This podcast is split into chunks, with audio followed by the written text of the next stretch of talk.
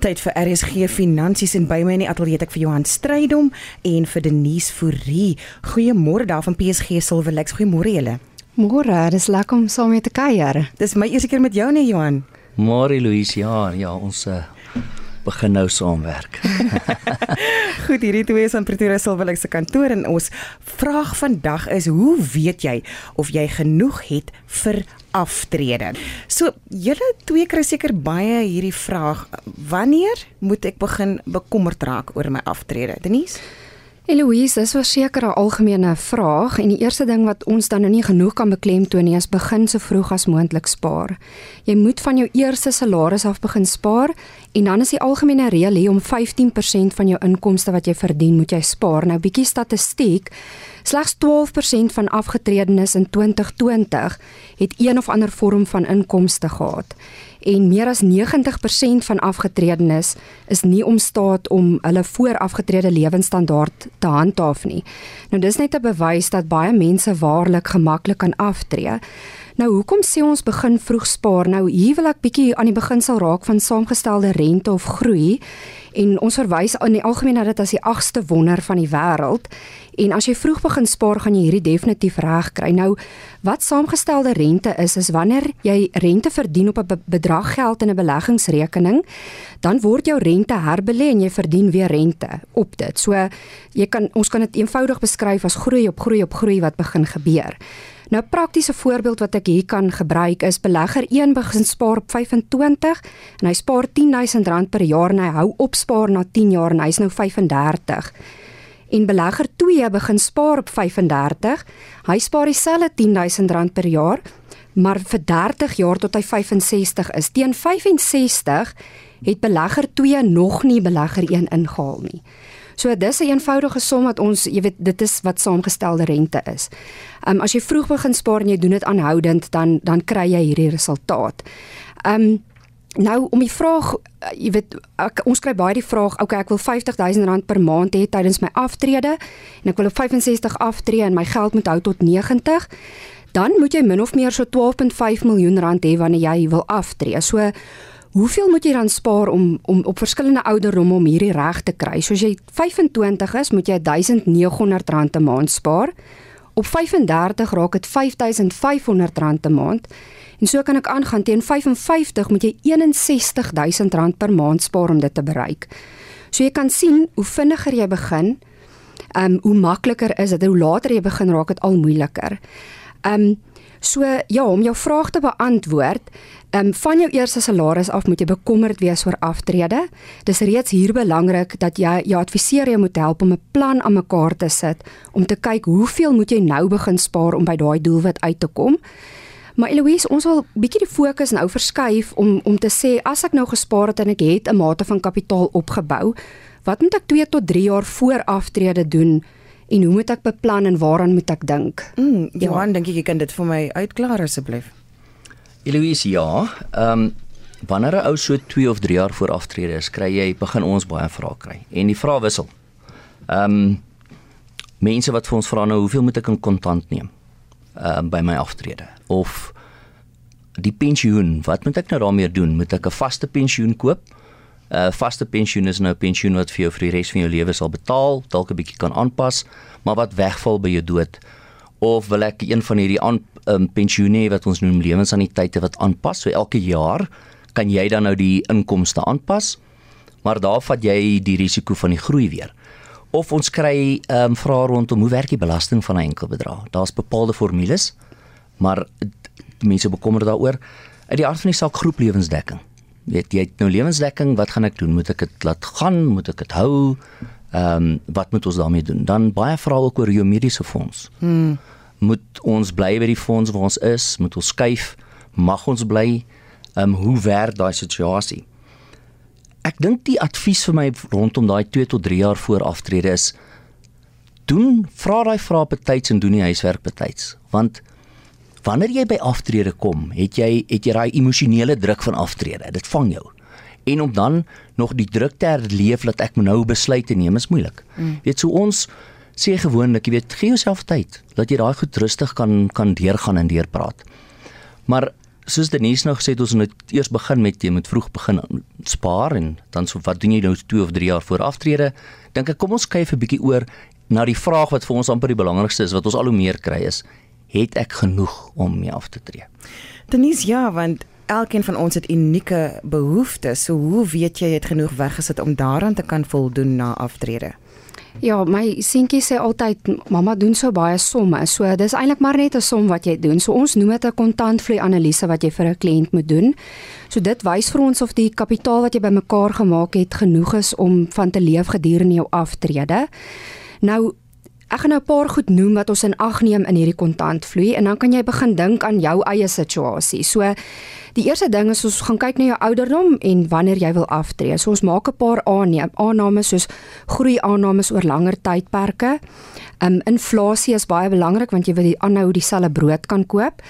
Um en dan en dan baie belangrik is hoe lank gaan ons beplan om hierdie kontantvloei te laat hardloop? As jy nou 65 is, moet hy gaan tot 90 of 100, jy weet daai tydperk na aftrede is ook belangrik. Um wat vir ons baie belangrik is is om as jy gades het, moet mens saam saam vir gades beplan want die scenario en ek verduidelik dit altyd om te sê as ons byvoorbeeld um, vir meneer en mevrou beplan en gestel meneer is nou 65 en mevrou is 60 en ek beplan nou dalk vir meneer tot ouderdom 90 dan is mevrou eers 85 Nou statistiek sê vir ons dat vrouens in Suid-Afrika 'n um, man uitoorleef met ja. omtrent 5 jaar. So, um, ek kan nie beplan tot sy 85 is nie want sy gaan langer lewe. So, eerstens moet ek 5 jaar ekstra beplan en die geld moet 5 jaar langer hou. So, dis 'n baie belangrike aspek. So die die tweede ding is ons maak dan al jou beleggingsinligting bymekaar en hier gaan kyk ons um, om dan 'n onderskeid te tref tussen jou verpligte aftreegeld en jou vrywillige spaargeld.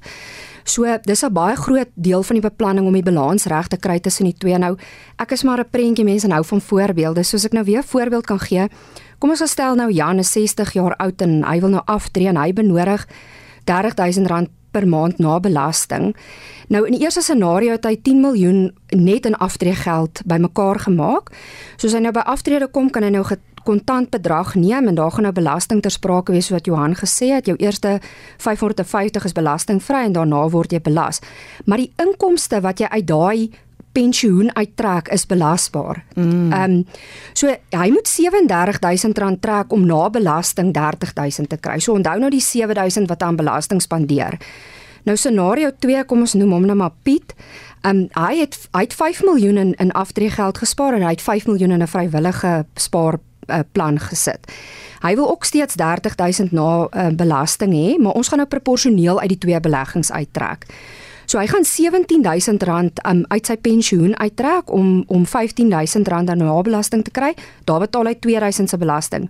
Die lekker ding hier is, ons trek skoon R15000 uit die vrywillige geld uit want jy betaal binne in hierdie vrywillige geld belasting op jou rente, dividende en jou kapitaale groei. So die inkomste wat jy daai trek is nie belasbaar nie. So nou kan jy vergelyk Hy spaar dus R5000 in belasting. So hierdie is 'n baie belangrike aspek om jou balans tussen vrywillige en verpligte geld reg te kry. Nou, derde ding wat ons in ag neem, gaan jy enige addisionele inkomste hê na aftrede vir hierdie dalk 'n huis. Hier kan ons ook al sien, moet jy nie dalk oorweeg om uit te tree en nie af te tree nie. Moet jy dalk eerder kontrakwerk aanhou doen want daai ekstra inkomste maak 'n baie groot verskil um, in die som. Dan kyk ons ook na kapitaal wat moontlik kan invloei. Jy verkoop dalk jou groot gesinshuis en gaan na 'n kleiner woning in 'n aftreeoord en dan het ons 'n bietjie ekstra kapitaal om te gebruik. Ons kyk ook na kapitale uitgawes wat jy in aftrede mag aangaan. Dis nou byvoorbeeld goed soos 'n kind wat dalk nog kan trou. Nou as jy 3 dogters het, dan het jy 'n redelike groot probleem en dit gaan druk op ons somme sit, nê? Nee? Ehm um, binnelandse buitelandse vakansies, kamp jy of hou jy dalk 5 ster vakansies? Waarvoor moet ons voorsiening maak? Ehm um, hoe hoe gereeld vervang jy voertuie? Dis ook belangrik want ons moet voorsiening daarvoor maak. So die kontantvloei kyk dan wat hierdie kapitale uitgawes dan nou, watter druk gaan dit op jou kapitale uitgawes ehm um, sit? En ons kan dan ook hier sien waar moet jy dalk bietjie korter knip op sekere goed om jou plan vir langer termyne te laat hou. Nou, die laaste ding is jou inkomste behoefte en aftrede. Dis dis 'n uiters belangrike vraag. Nou hier kyk ons nou na goed soos byvoorbeeld um, ons ons onderskei jou mediese fonds van jou algemene uitgawes want mediese fondse eskaleer nie met inflasie van 6% nie dit eskaleer met 9 tot 10%. So as jy die fout gaan maak om te sê ek het 30 nodig en my mediese is al ingesluit, dan gaan jy oor 10 jaar dalk nie mediese fonds meer kan bekostig nie. Nou Dis nou 'n baie lang antwoord ek, wat ek vir jou gegee het, maar of jy of jy genoeg het om van af te tree, is die antwoord wat jy van jou kapitaal benodig en nie uh, um wat jy bymekaar gemaak het nie. Um so 'n kliënt sal baie keer vir ons sê, jy weet ek het 5 miljoen gespaar in my pensioen en dit beteken eintlik vir ons niks nie. Die die vraag, die meer relevante vraag is, um hoeveel het jy nodig van daai kapitaal? Nou wil ek net 'n laaste ding hierso sê is baie keer dan sit jy met kliënte en dan lyk like dit nou o, hel, dit is nou net moeilikheid en ons gaan nie uitkom nie. Maar ons is eintlik maar in die bedryf van oplossing. So jy weet jy gaan sit dan met die kliënt om te kyk waar kan jy sekere goed verminder om om om jou plan te laat uitwerk. So daar's altyd 'n oplossing. Moenie dit net los omdat jy dink jy dalk te min nie. Eloise, ja. terwyl ehm um, Denise nou praat, sit ek en dink jy luisteraar sit dalk daar aan die kombuistafel of al by die koffietafel en in sy gedagte dink hy nou maar hoe kan ek net vinnig weet hoe lyk my sake? Ja. En dis so 'n duimsy gereël wat dalk ou net vinnige som kan doen is en dit is vir elke R5000 wat jy nodig het per maand, het jy 'n miljoen rand se kapitaal nodig. So jy kan Nee, wag, sê gou weer. Vir elke R5000 wat jy benodig, het jy 'n miljoen rand se kapitaal nodig. En dan hou daai kapitaal vir jou 20 jaar. So As jy sê ek het 25000 'n maand nodig, rowwe som, ek het 5 miljoen rand nodig. En dit sluit nie in daai kampvakansies en daai daai troues en daai karre nie. Dis om so ek dink voor iemand dalk as hulle sê maar hulle wil graag met ons praat om die somme te doen, weet as jy net so 'n vinnige berekeningkie doen vir jouself dan het jy 'n idee nee. waar jy staan. Ek ek wil aansit op by ietsie wat Denise genoem het, sy het verwys na die inflasie. Jy moet dit natuurlik ook in ag neem by die aanpassing van 'n kliënt se uitgawes oor tyd, maar wil jy asseblief dit 'n bietjie meer verduidelik, Johan? Sekerlik. Inflasie, kom ons begin, wat is dit? Inflasie is eintlik die koers as mens nou sê inflasie koers. Dis die koers waarteen dinge duurder raak. Ons weet nie of dinge duurder raak nie. Ek het 'n uh, koerant gelees nou die dag te sien ek dat uh, iets waarvan ons almal so baie van hou, hamburger, in 1983 het dit vir jou R2.30 gekos. Hm. Ek dink hy kos nou so 70 en dit is as jy nou nie al die ander lekkernye bysit nie. Hmm. Ehm um, tomatiesous in 1978.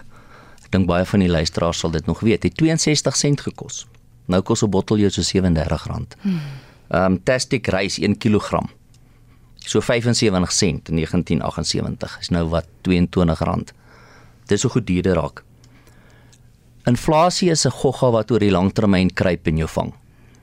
En hoekom dit belangrik is is as jy 'n miljoen rand het wat jy in die bank los, gaan jy nie voel aan die einde van die jaar koop jy minder meer as 'n miljoen rand nie. Maar los hom nou daar vir 5 jaar of so, dan ewe skielik werk dit nie. Wat wat het gebeur?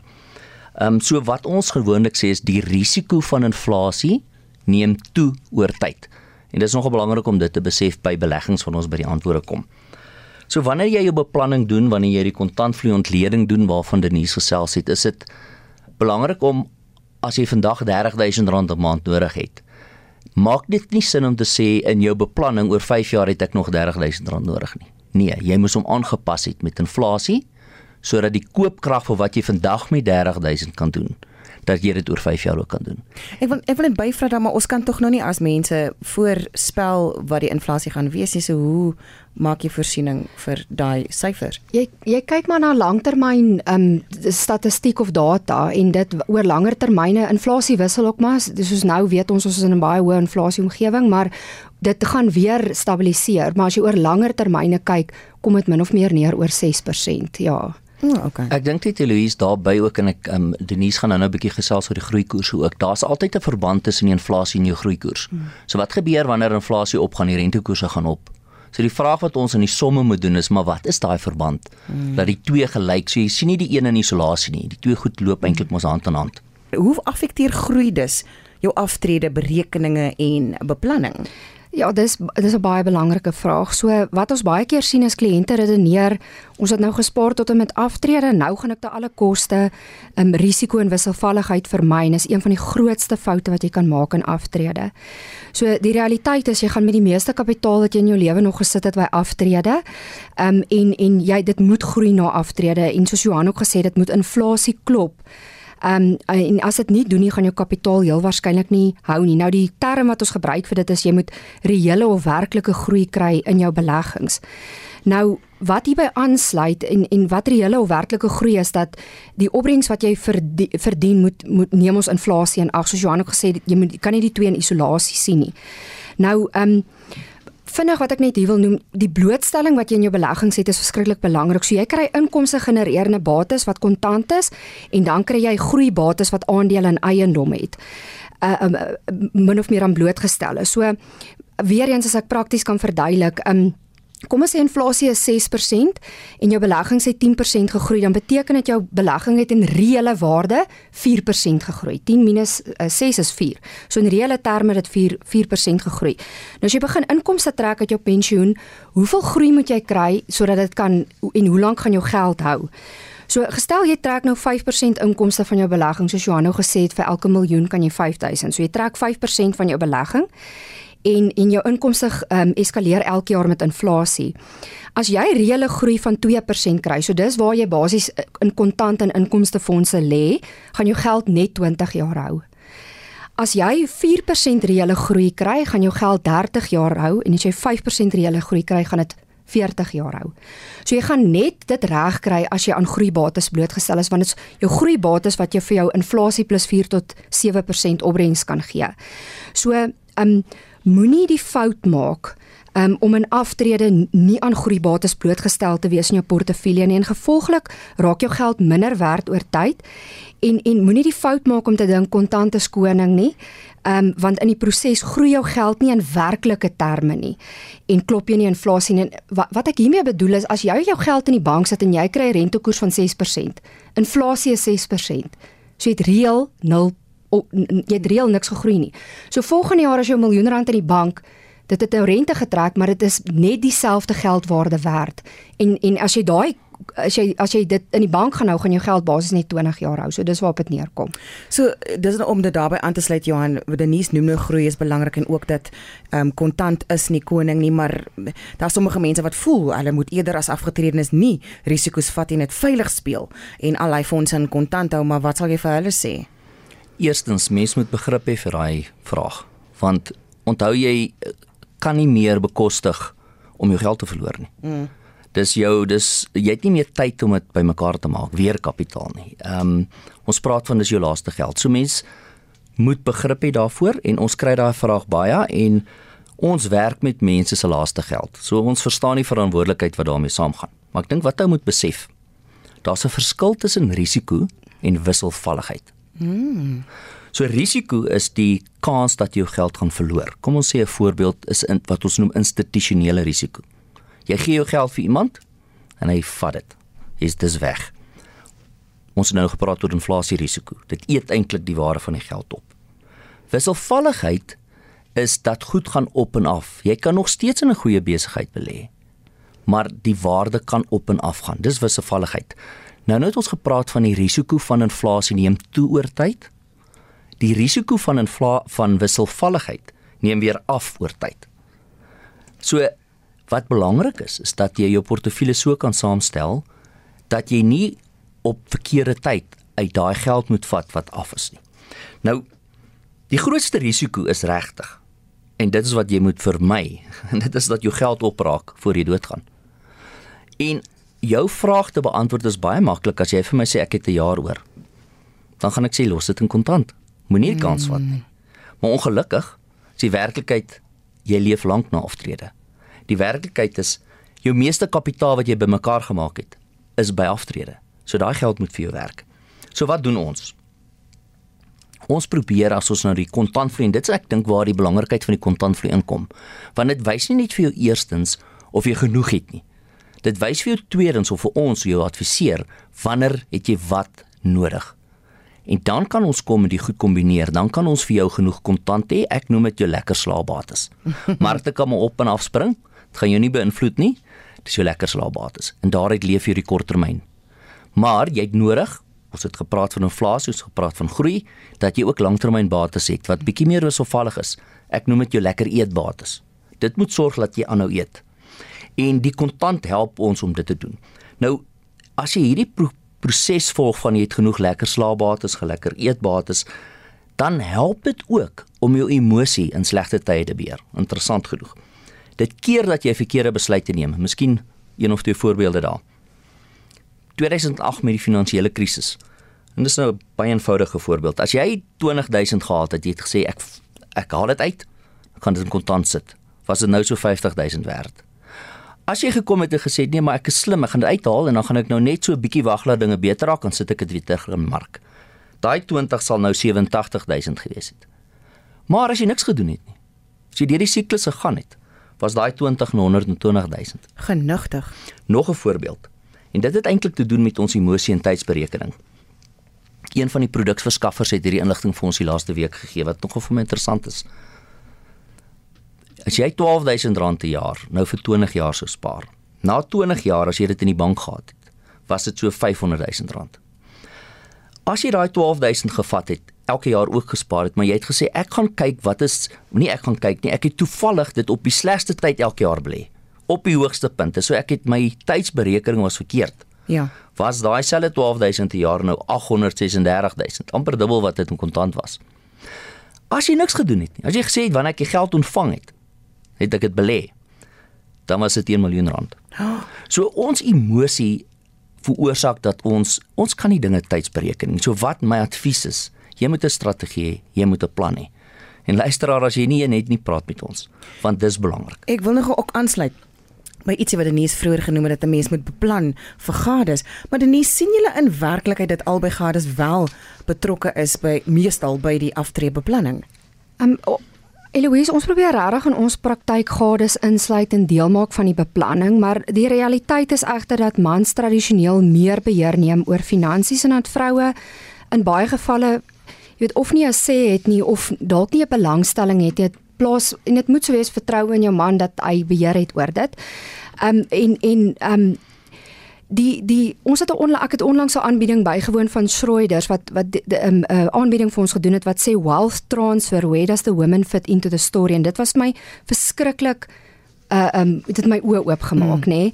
Um so luister bietjie na die statistiek en dan sal jy verstaan hoekom hoekom die vrou betrokke moet wees nê. Nee. So 2 uit 3 van die baby boomer generasie se welvaart word besit deur gesamentlike huishoudings, met ander woorde man en vrou. So daai welvaart gaan op een of ander stadium oorgaan van die een gade na die ander gade toe. Nou ek het nou nou gesê die vrou uitoorleef die man. So daar's 'n 80% kans dat jy as vrou verantwoordelik gaan wees vir hierdie welvaart wat oor gaan kom na jou toe.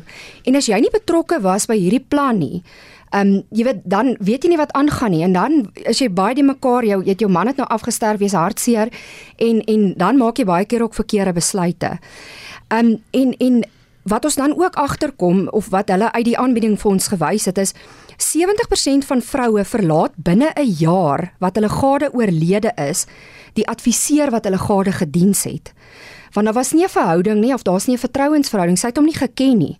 So as jy as vrou dan die stokkie moet oorneem, moet jy begrip hê van wat jy finansies uh, behels het. So dan 'n ander aspek hier, so jy as vrou um, moenie ligtelik omgaan met jou aftreebeplanning nie en wat ek hiermee bedoel is jy het unieke behoeftes en, en uitdagings wat ons as vrouens het. En ek noem dit sommer die pensioenprobleem, nê? So eerstens, nou nog genoem, vrouens lewe langer. Een uit 4 vroue wat nou 60 is, gaan 94 jaar oud word en jy het gemiddeld 4 miljoen rand meer nodig as jou manlike ewig nie. Nee, ek beloof. Ehm um, vroue se werksleeftyd is korter. So 61% um, persent van vroue wat terugkeer na werk na hulle swanger was, werk of minder ure, verander baie meer gereeld werk um, of hou op werk. Ehm um, so dit gaan jou plan beïnvloed. En dan die laaste ding is vrouens verdien, dit is maar daai daai pay gap wat ons almal van weet, jy verdien dan oor jou leeftyd minder. So 'n vrou wat in hulle 20's sal gemiddeld 6 miljoen bymekaar gemaak het vir vir aftrede, waar hulle manlike ewe knie omtrent 8 miljoen bymekaar sou gemaak het. Jy het meer nodig met minder tyd en het minder geld. Presies. So jy jy moet betrokke wees by hierdie gesprek um, om in jou eerstens jou unieke behoeftes te voldoen en en ook dan om om, om want die, soos ek gesê het jy het 'n 80% kans dat jy julle plan moet uitvoer op die einde van die dag. Nou verstaan my asseblief mooi, ek insinieer nie hier dat iets fout is dat jou man beheer neem en ek en my man doen self saam gesamentlike planne. Maar die punt wat ek hier wil maak is jy moet weet wat aangaan. Hoor jy ons tyd daarop uit hierdie gesprek is ongelooflik belangrik. Ek wil net weet ter afsluiting afsluiting met wie praat julle spesifiek vandag? Met ander woorde, wie moet julle kontak indien hulle na hierdie gesprek geluister het? Ja, Eloise, as jy 2 tot 3 jaar voor aftrede is en jy wil weet of jou kapitaal genoeg gaan wees, ehm uh, as jy reeds afgetree het en jy wil weet trek ek reg inkomste, gaan my kapitaal nog hou oor tyd. Ehm um, ook as jy staatsamptenaar is wat binnekort wil aftree en jy wil weet moet ek privaat aftree of moet ek by die staat aftree? Ehm um, en dan soos ek nou laaste genoem het, as jy 'n vrou is wat bekommerd is oor jou eie aftrede of jy het onlangs 'n gade verloor en jy wil, jy weet jy jy weet nie hoe om hierdie beheer te vat nie, is dit definitief belangrik om om kontak te maak, ja.